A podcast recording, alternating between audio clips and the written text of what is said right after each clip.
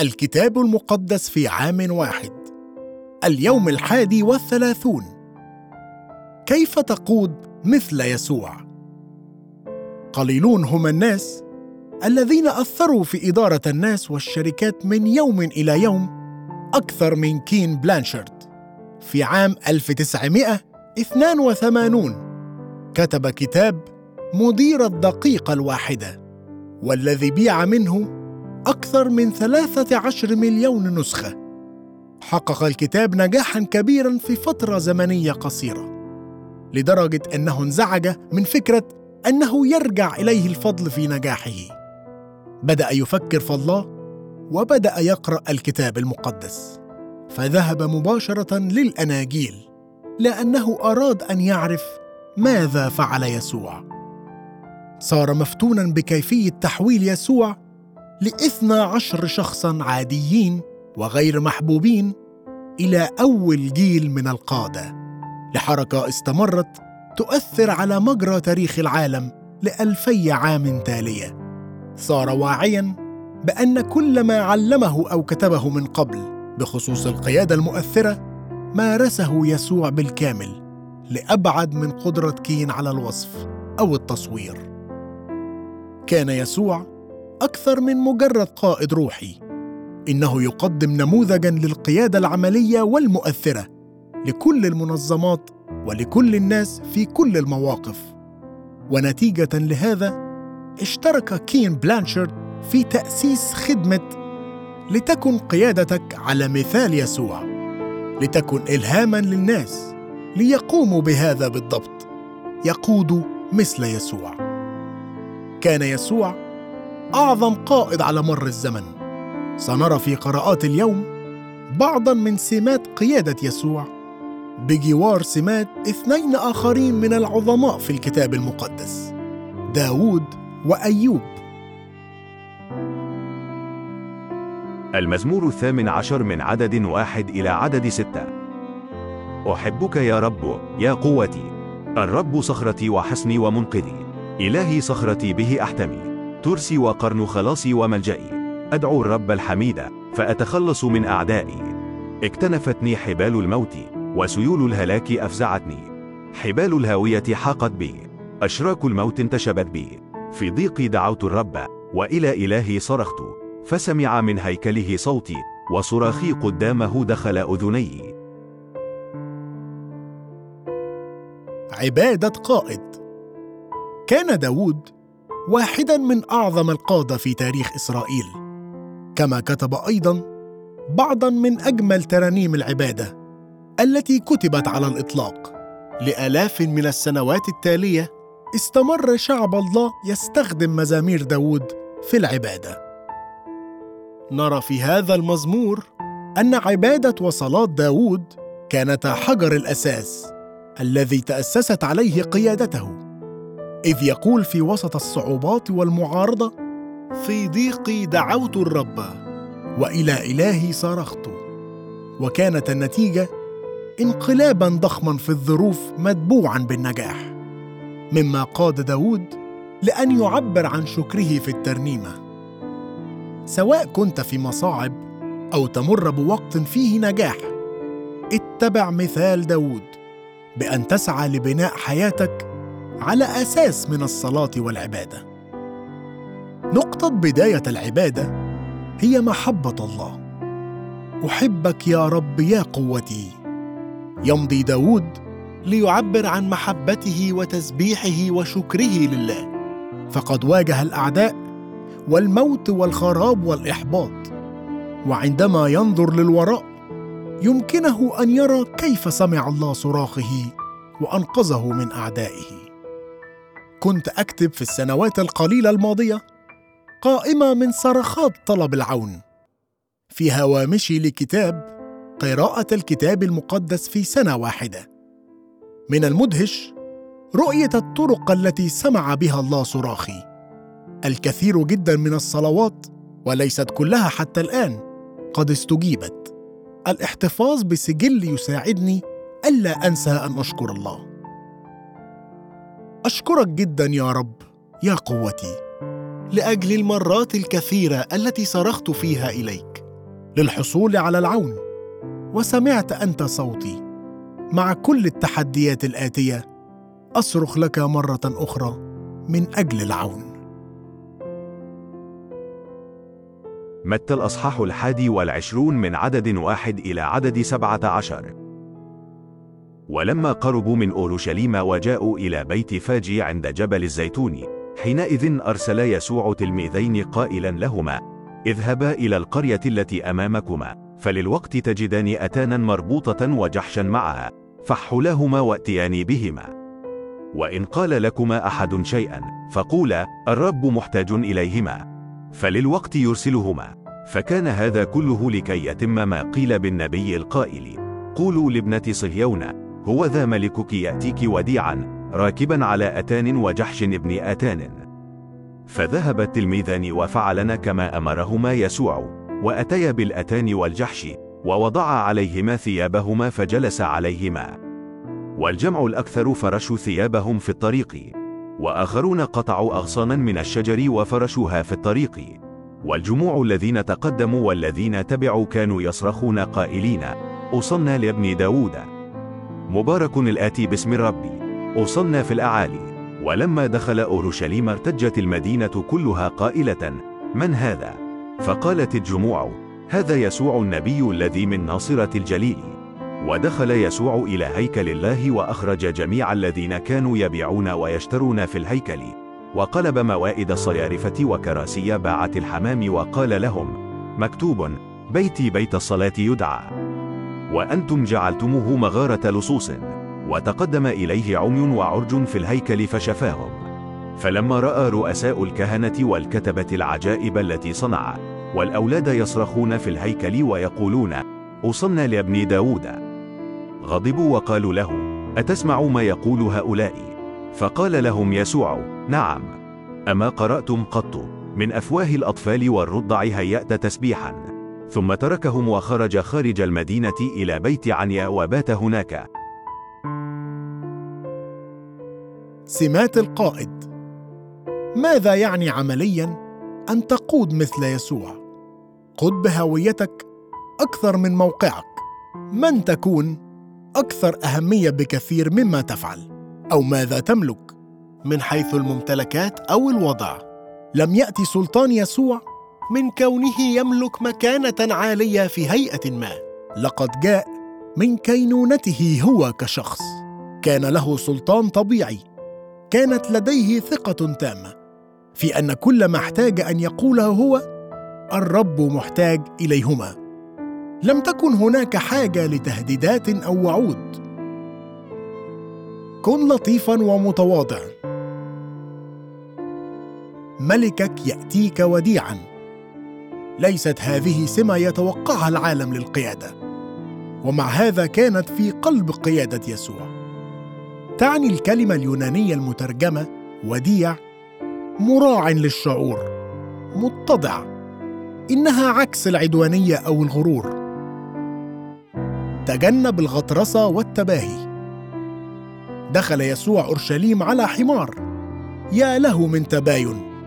مع الكثيرين جدا من القادة في التاريخ العلماني والديني الذين سافروا بأبهى الطقوس ووفد مرافق متباهن كانت طريقة يسوع في المواصلات علامة على اتضاع عظيم فهي على العكس من الكبرياء والغطرسة التي يمكن بسهولة أن تتسلل إلى القيادة الإنسانية. كن شجاعا في المواجهة. أحيانا يظن الناس أن اللطف والتواضع يعنيان تجنب المواجهة لكن يسوع لم يكن يخاف من المواجهة. فقد دخل يسوع إلى هيكل الله وأخرج جميع الذين كانوا يبيعون ويشترون في الهيكل وقلب موائد الصيارفة. واحد من أصعب جوانب القيادة هو معرفة اللحظة المناسبة للمواجهة. التعارض والمواجهة هما جزءان ضروريان في القيادة الجيدة. أما الفشل في المواجهة في حد ذاته فهو قرار له تبعات. ليست المواجهة سهلة ابدا ولكن متى طبقت بحكمة فستكون جزءا ضروريا من القيادة الشجاعة. أطلب القوة الروحية وليس العالمية. كانت قوة يسوع مختلفة جدا عن الكثير من القادة في العالم. وتقدم إليه عمي وعرج في الهيكل فشفاهم. تعد القوة الروحية أهم بكثير جدا من القوة الأرضية. وهي قوة لا يمكن تصنعها. فهي تأتي فقط من نوعية العلاقة التي كانت ليسوع مع الآب. اجعل الصلاة أولويتك القصوى.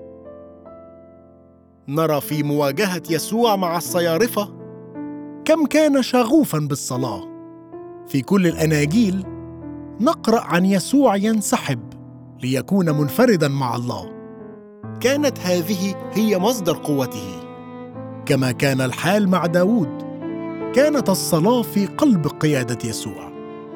ساعدني يا رب كي أقود مثل يسوع بسلطان ولطف واتضاع وشجاعة وقوة مثل يسوع لتأتي قوتي من علاقتي الشخصية معك. أيوب الأصحاح التاسع عشر. فأجاب أيوب وقال حتى متى تعذبون نفسي وتسحقونني بالكلام؟ هذه عشر مرات أخزيتموني لم تخجلوا من أن تحكروني وهبني ضللت حقا علي تستقر ضلالتي. إن كنتم بالحق تستكبرون علي فثبتوا علي عاري. فاعلموا إذن أن الله قد عوجني ولف علي أحبولته. ها إني أصرخ ظلما فلا أستجاب. أدعو وليس حكم. قد حوط طريقي فلا أعبر وعلى سبلي جعل ظلاما. أزال عني كرامتي ونزع تاج رأسي.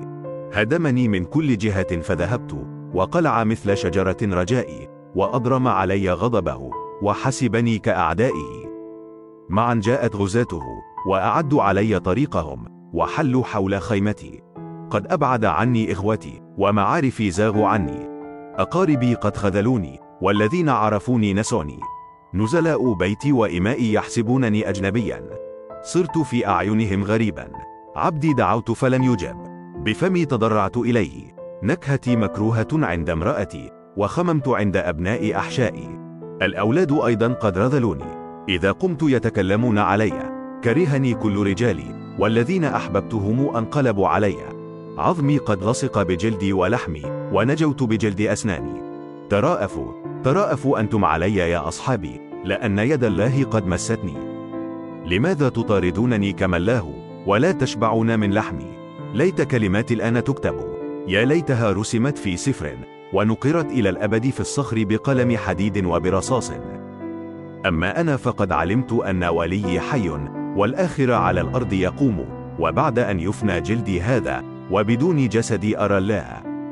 الذي أراه أنا لنفسي وعيناي تنظران وليس آخر.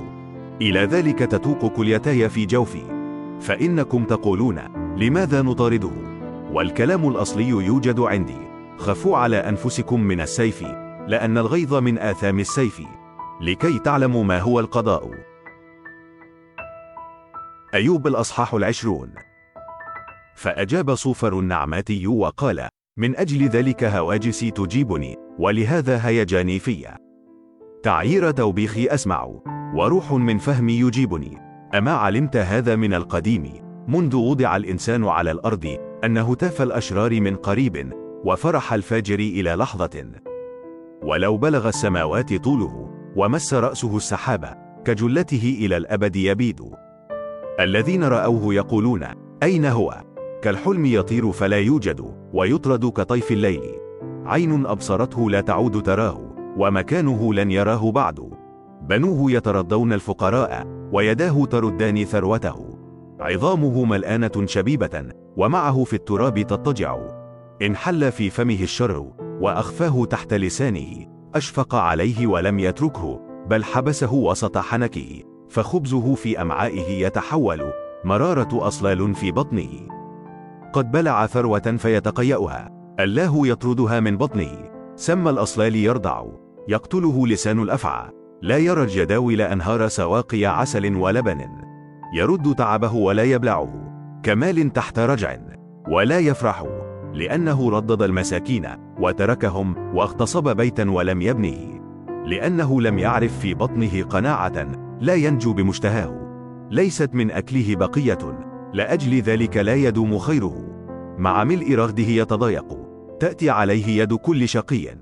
يكون عندما يملأ بطنه أن الله يرسل عليه حمو غضبه ويمطره عليه عند طعامه. يفر من سلاح حديد. تخرقه قوس نحاس.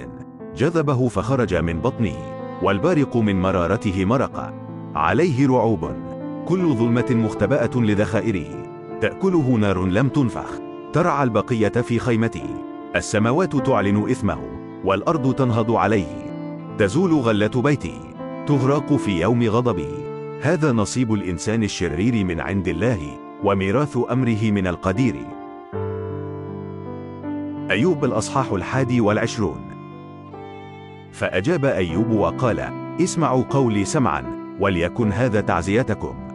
احتملوني وأنا أتكلم وبعد كلامي استهزئوا. أما أنا فهل شكواي من إنسان؟ وإن كانت فلماذا لا تضيق روحي؟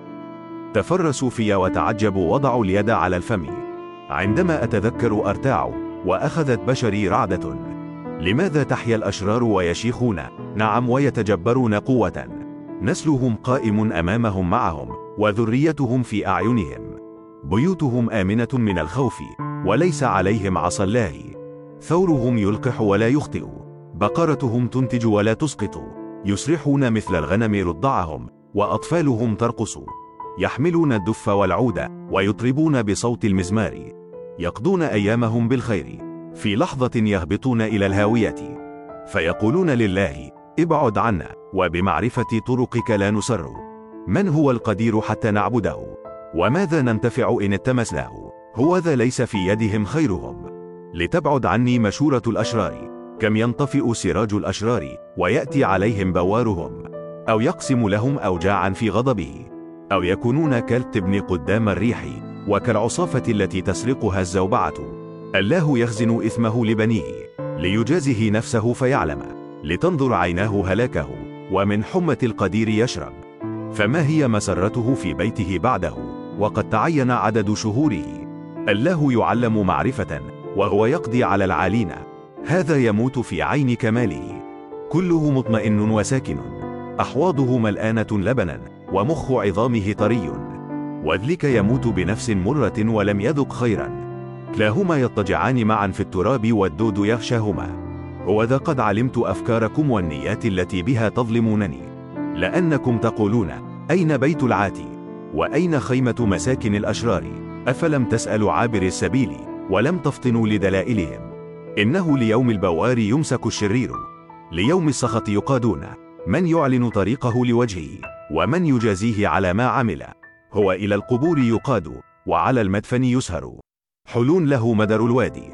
يزحف كل إنسان وراءه. وقدامه ما لا عدد له. فكيف تعزونني باطلا وأجوبتكم بقيت خيانة؟ منظور قائد. استمر أصدقاء أيوب يتكلمون كلاما فارغا وسلسلة من الأكاذيب. إنهم حاولوا أن يعزوا أيوب بكلمات فارغة وعقيمة.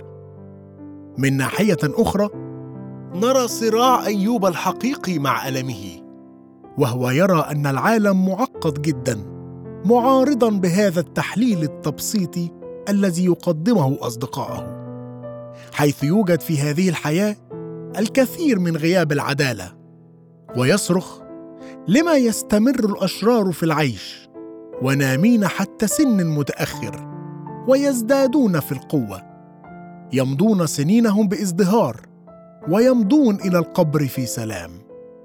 لا تفاجأ من أنه أحيانا يوجد من يرفضون الله تماما ويقولون له ابعد عنا. وبمعرفة طرقك لا نصر. من هو القدير حتى نعبده؟ وماذا ننتفع إن التمسناه؟ ومع هذا يبدو أنهم يعيشون حياة مزدهرة وفي سلام. لا يقول الكتاب المقدس ابدا أن الأشرار سيتلقون العدالة في الحياة. أحيانا يحدث هذا ولكن في أوقات أخرى يبدون وأنهم قد أفلتوا منها. لا تتفاجأ إذا رأيت الأشرار يمضون سنين حياتهم في ازدهار. ولا تتفاجأ إن رأيت الأبرار يعانون. يبدو أن الله يسمح بكلا الأمرين في هذه الحياة. وهذا لا يعني أن نكون راضين عن ظلم أو ألم الأبرياء بل بالأحرى أن نعمل كل ما بوسعنا لنحاربهما. لكن ليست هذه الحياة هي النهاية. فلدى الله كل الأبدية ليضع الأمور في نصابها الصحيح. يلقي أيوب نظرة خاطفة وبصورة متفردة بالنسبة للعهد القديم على رجائنا المستقبلي. أما أنا فقد علمت أن وليي حي والآخر على الأرض يقوم وبعد أن يفنى جلدي هذا وبدون جسدي أرى الله. تمثل بصيرة أيوب ظلا لرجاء العهد الجديد الخاص بالقيامة والحياة الأبدية. إنه قائد تقي له منظور أبدي مما يقدم بعدا مختلفا تماما للقيادة المسيحية. تخيل شخصا هاما سيأتي ليزور بيتك. غالبا ستقوم بعدة أمور لتصبح مستعدا. ستعد نفسك وستتأكد من استعداد أهل البيت. وستتأكد من أن البيت نفسه جاهز. يبدو مظهره نظيفا ومرتبا. لدى القائد المسيحي رجاء أبدي. أما أنا فقد علمت أن وليي حي. ركز على أن تكون جاهزا وأن تعد الآخرين. التبشير التلمذة والعناية الرعوية. وأن يكون المنزل معدا إعادة حيوية الكنيسة وتغيير المجتمع.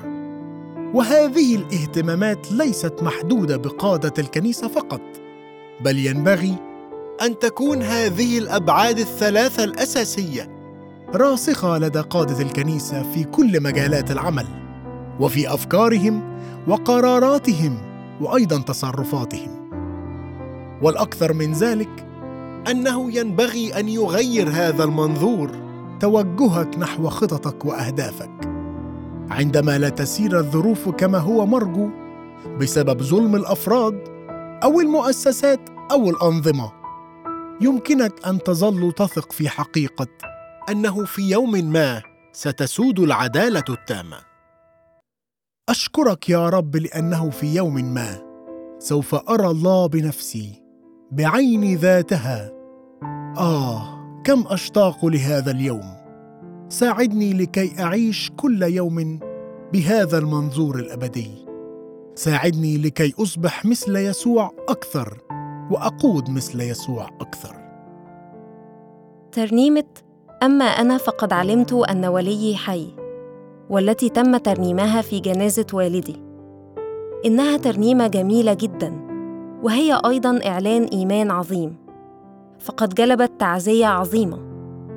من الرائع التفكير في قراءة هندل لسفر أيوب وكيف ألهمه الله أن يكتب مثل هذه المقطوعة الموسيقية غير العادية. ظننت دائما أنها قد أتت من سفر إشعياء مع إنه من المفترض أنني قرأت سفر أيوب مرات عديدة. لكن يبدو أنني أغفلت الكثير من حديث أيوب مع أصدقائه لكنني سعيدة لأن هندل لم يفعل هذا.